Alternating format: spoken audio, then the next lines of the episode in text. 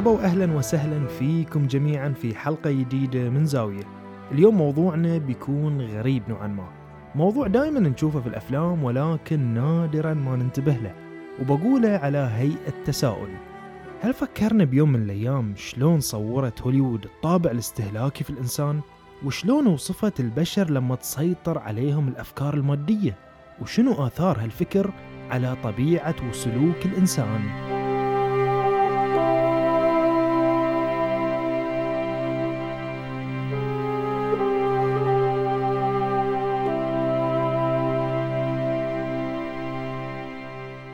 كلنا نتفق أن السينما وسيلة ثقافية مهمة ممكن تغنينا مثلا عن بعض الكتب في تصور فكرة معينة؟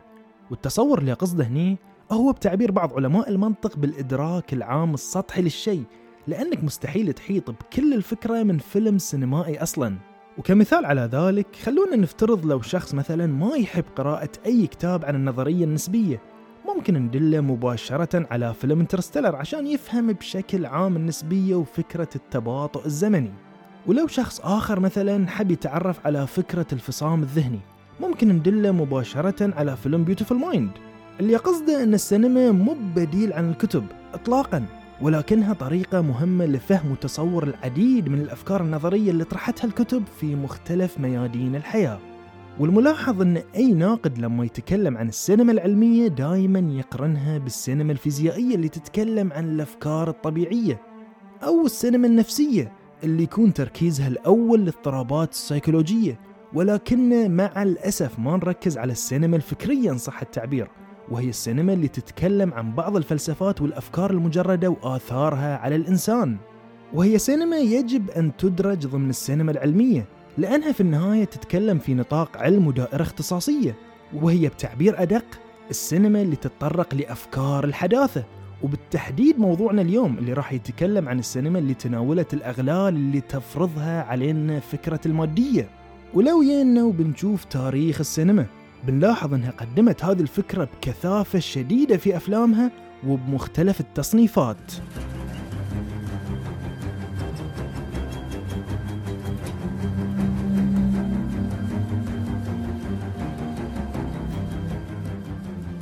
قبل لا ندش في المناقشة السينمائية ودي أتطرق لزيغموند بومن وهو باحث من أهم الباحثين في مجال الحداثة وما بعد الحداثة.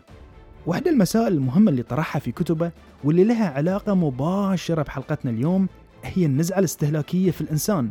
بومن يشوف بأن فكرة الاستهلاك اليوم تجاوزت فكرة السلعة المادية واتجهت إلى تسليع واستهلاك العواطف والقيم الإنسانية وهي الصورة اللي أثرت نفس ما نقول على عدة معاني. مثل الحب والحياة والأخلاق لأن عدد كبير من هذه القيم صارت تؤخذ اليوم بسياسة الإشباع الفوري وهذه السياسة حسب بومن هي اللي قادت الإنسان إلى حالة مخيفة من الفردية اللي طغت على سلوكه وعززت من تفكيك المجتمعات. والسينما بدورها قدمت تجليات فكر بومن بشكل متعدد في أفلامها والجميل إنها ما تطرقت لفكرة الاستهلاك المادي في سياق الترويج لها تماشيا مع العولمة اللي تعيشها السينما. بل في سياق نقدي يبين آثارها المخيفة جدا على الإنسان سواء في أفلامها الموجهة حق الصغار أو الكبار وفي مختلف الأفلام سواء الرعب والكوميديا والأكشن وحتى ال animation. السينما في الواقع توسعت في تقديم فكرة المادية ووصفتها بدقة بالغة في أفلامها حتى أن بعض هذه الأفلام تناولت الواقع بسخرية صارخة ورغم هالقالب الساخر إلا أن بعض الأطباء النفسيين ما زالوا يقولون بالرغم من سخرية هذه الأفلام الشديدة إلا أنها واقعية جدا وممكن يوصل المشاهد إلى درجة من الصدمة بحيث إذا انتهى منها يحس باضطراب نفسي لإدراكه حجم الجحيم الاستهلاكي والمادي اللي يعيشه عالم الواقع.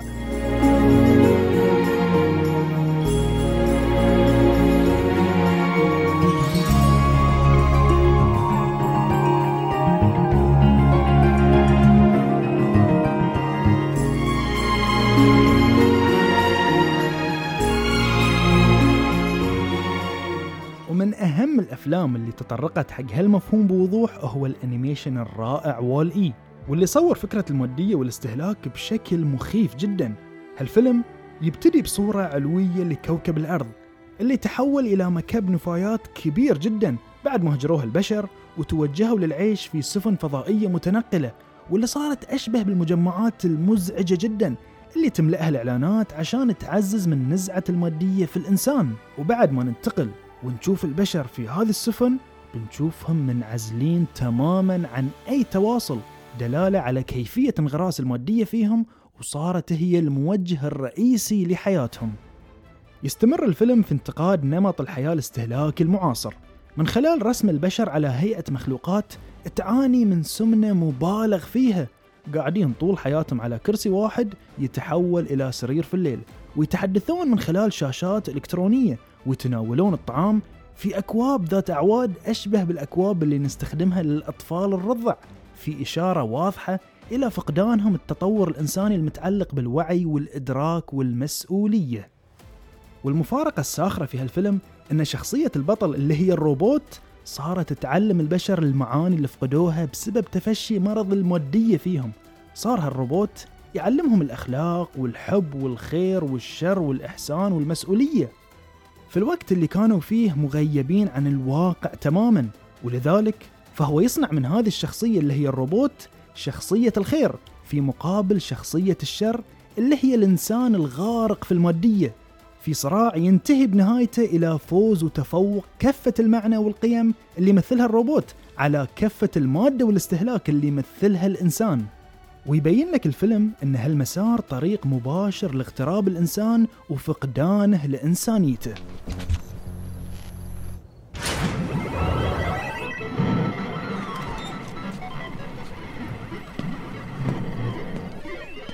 ومن أهم الأفلام اللي تناولت فكرة الاستهلاك والمادية فيلم ذي ليف وهالفيلم قصته عجيبة. قصة واحد فقد المعنى تماما من حياته. فجأة يلاقي نظارة تراويه العالم على حقيقته فيشوف ما وراء الإعلانات ويشوف ما وراء الأخبار وما وراء خطابات المسؤولين ومن الأشياء اللي كان يشوفها واللي لها علاقة بحلقتنا هي الإعلانات اللي توجه لاستهداف الحاجات البشرية. ويلاحظ أن الشركات غرضها الأول هو استهداف الإنسان عشان يكون عبد لها ولرغباتها وسياساتها التجارية. وهذا اللي سماه مخرج وكاتب الفيلم بالحرب العالمية الثالثة. طبعا من زود البؤس اللي كان عايشه. وهالتسجيل ممكن تحصلونه حتى على يوتيوب. يقول فيه العالم اللي نعيش فيه قدر يحكمنا بقوانين مادية استهلاكية ما نقدر نخرج عنها. وكل الحضارة صارت تتحرك وفق هذه الدوافع البشرية. وبهالاعتبار المخرج يشوف أن هالهجوم الفكري وتركيب الإنسان بهذه الصورة وقعه وأثره ما يختلف عن أي حرب بشرية. لذلك سمى هالموجة بالحرب العالمية الثالثة.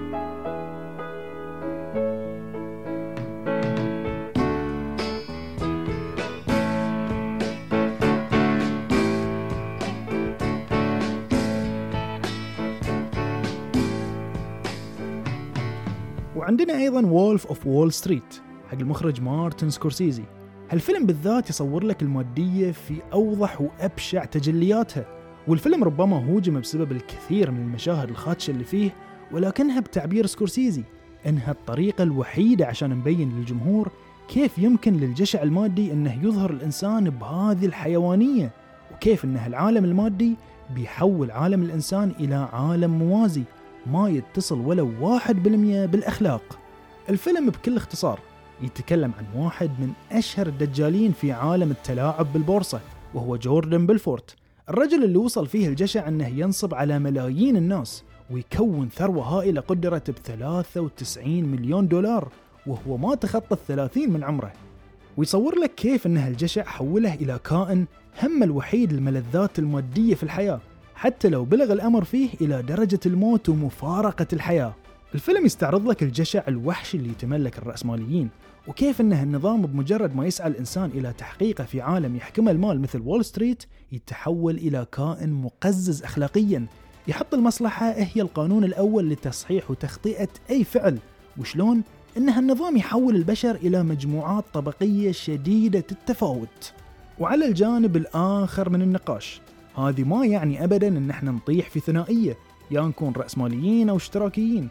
بالعكس ترى حتى الاشتراكية ما سلمت من الفخ المادي اللي حطت الإنسان فيه وقالت في أدبياتها بصراحة مطلقة بأن الهدف من الإنسان هو كأي عامل اقتصادي في الطبيعة. نفس ماركس على سبيل المثال اللي قال على لسان جون بوليتزر في كتاب أصول الفلسفة الماركسية بأن الإنسان هو محض عنصر في الدائرة الإنتاجية الطبيعية واللي يحدد ماهيته واقع المجتمع المادي فقط. وهذه مع الأسف يعود إلى الرؤية القاصرة للبشر في فهم ماهية الإنسان. جانب منه ما يشوفه إلا بصورة مركز عملية الإنتاج في الطبيعة وجانب آخر يشوفه عنصر في سلسلة إنتاج طويلة الأمد.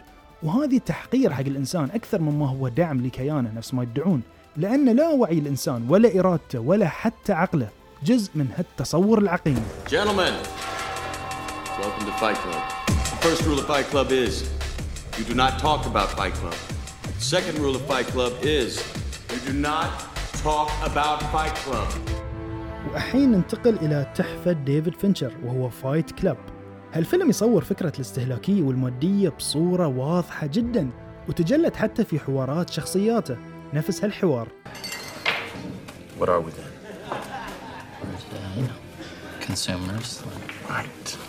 الفيلم يصور في العديد من مشاهده قرف الإنسان من البشر اللي يحرصون على شراء الأشياء بهدف تعزيز الطبقية والتباهي بالقدرة على امتلاك كل شيء في العالم.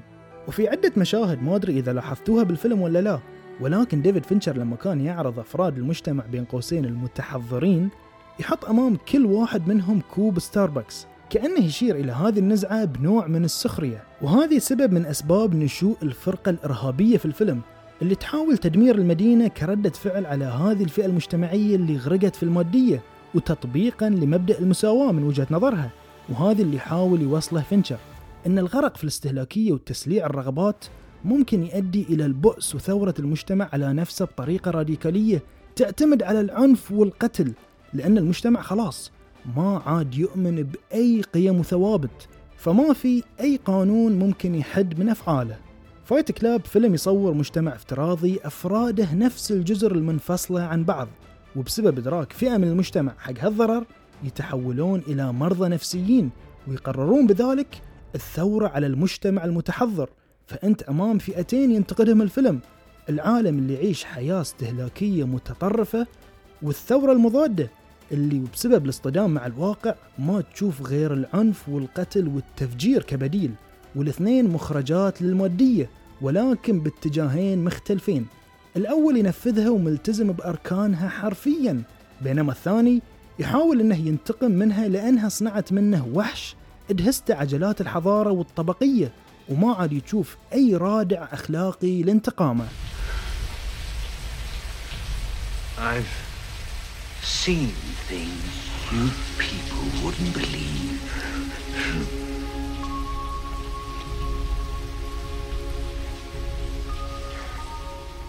والسينما مو بس تكلمت عن المجتمعات المادية ومرحلة تفشي هالفكر فيها وإنما قدمت حتى آثار على المدى المستقبلي خلنا ناخذ مثال الأفلام الديستوبية وهي الأفلام اللي تتكلم عن المستقبل بصورة سوداوية مثل Blade Runner وسلسلة Hunger Games لو جينا ودققنا النظر في العديد من المشاهد اللي قدمتها تجاه المدن بنشوفها دائما مليئة بالإعلانات والصور والشاشات الضخمة والاستهداف المبالغ فيه لإثارة الغرائز.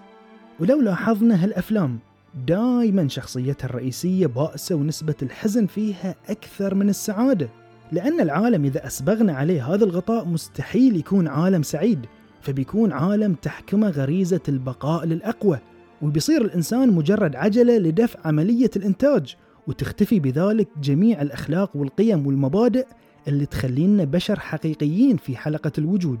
الكتب صحيح تطرقت لهذه المحاور وبإسهاب شديد ولكن اللي يميز طرح السينما إن الإنسان لما يشوف فظاعة آثار الحداثة بشكل مرئي يمكن يهتز داخليا والعديد من الناس اللي ينظرون حق الرؤية الماركسية والوجودية والنسبية للعالم لو شافوا الأزمة الإنسانية اللي تترتب على أقوالهم طبعا ما بقول إنهم بيتراجعون عنها ولكن بيشوفون العالم المرعب اللي بنعيشه.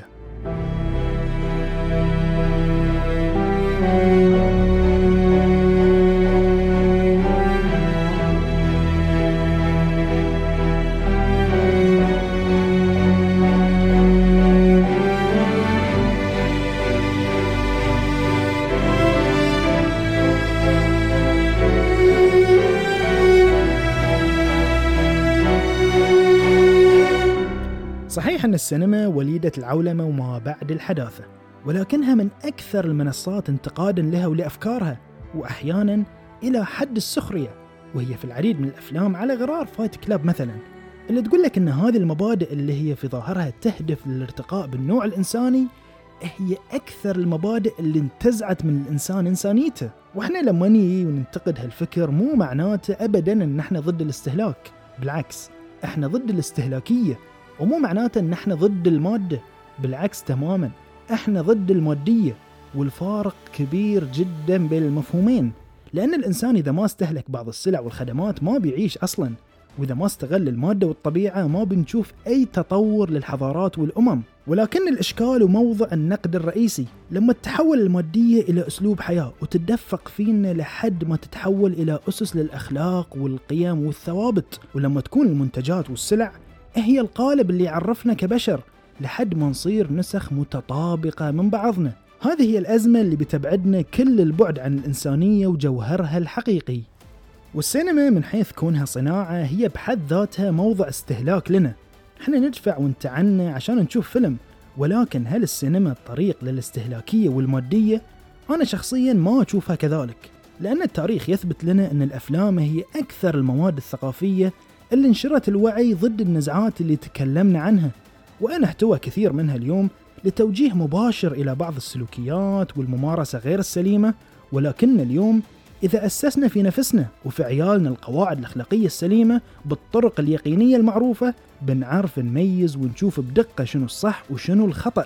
وبنقدر أيضا نشوف الواقع المشؤوم اللي تنظر له الفلسفة المادية ونقدر حتى ندافع عن نفسنا بكل أريحية.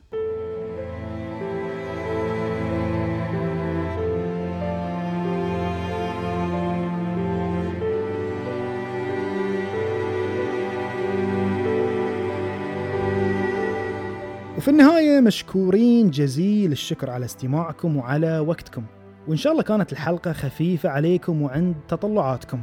وإذا عجبتكم لا تنسون تقيمونها وتقولون لنا رأيكم فيها على حسابنا في إنستغرام زاوية دوت بودكاست. وتشاركونها كل شخص مهتم بالموضوع. على أمل اللقاء بكم إن شاء الله بعد كم يوم لمناقشة الحلقة. شكرا مرة ثانية وتحية خاصة ختامية للجميع. سلام.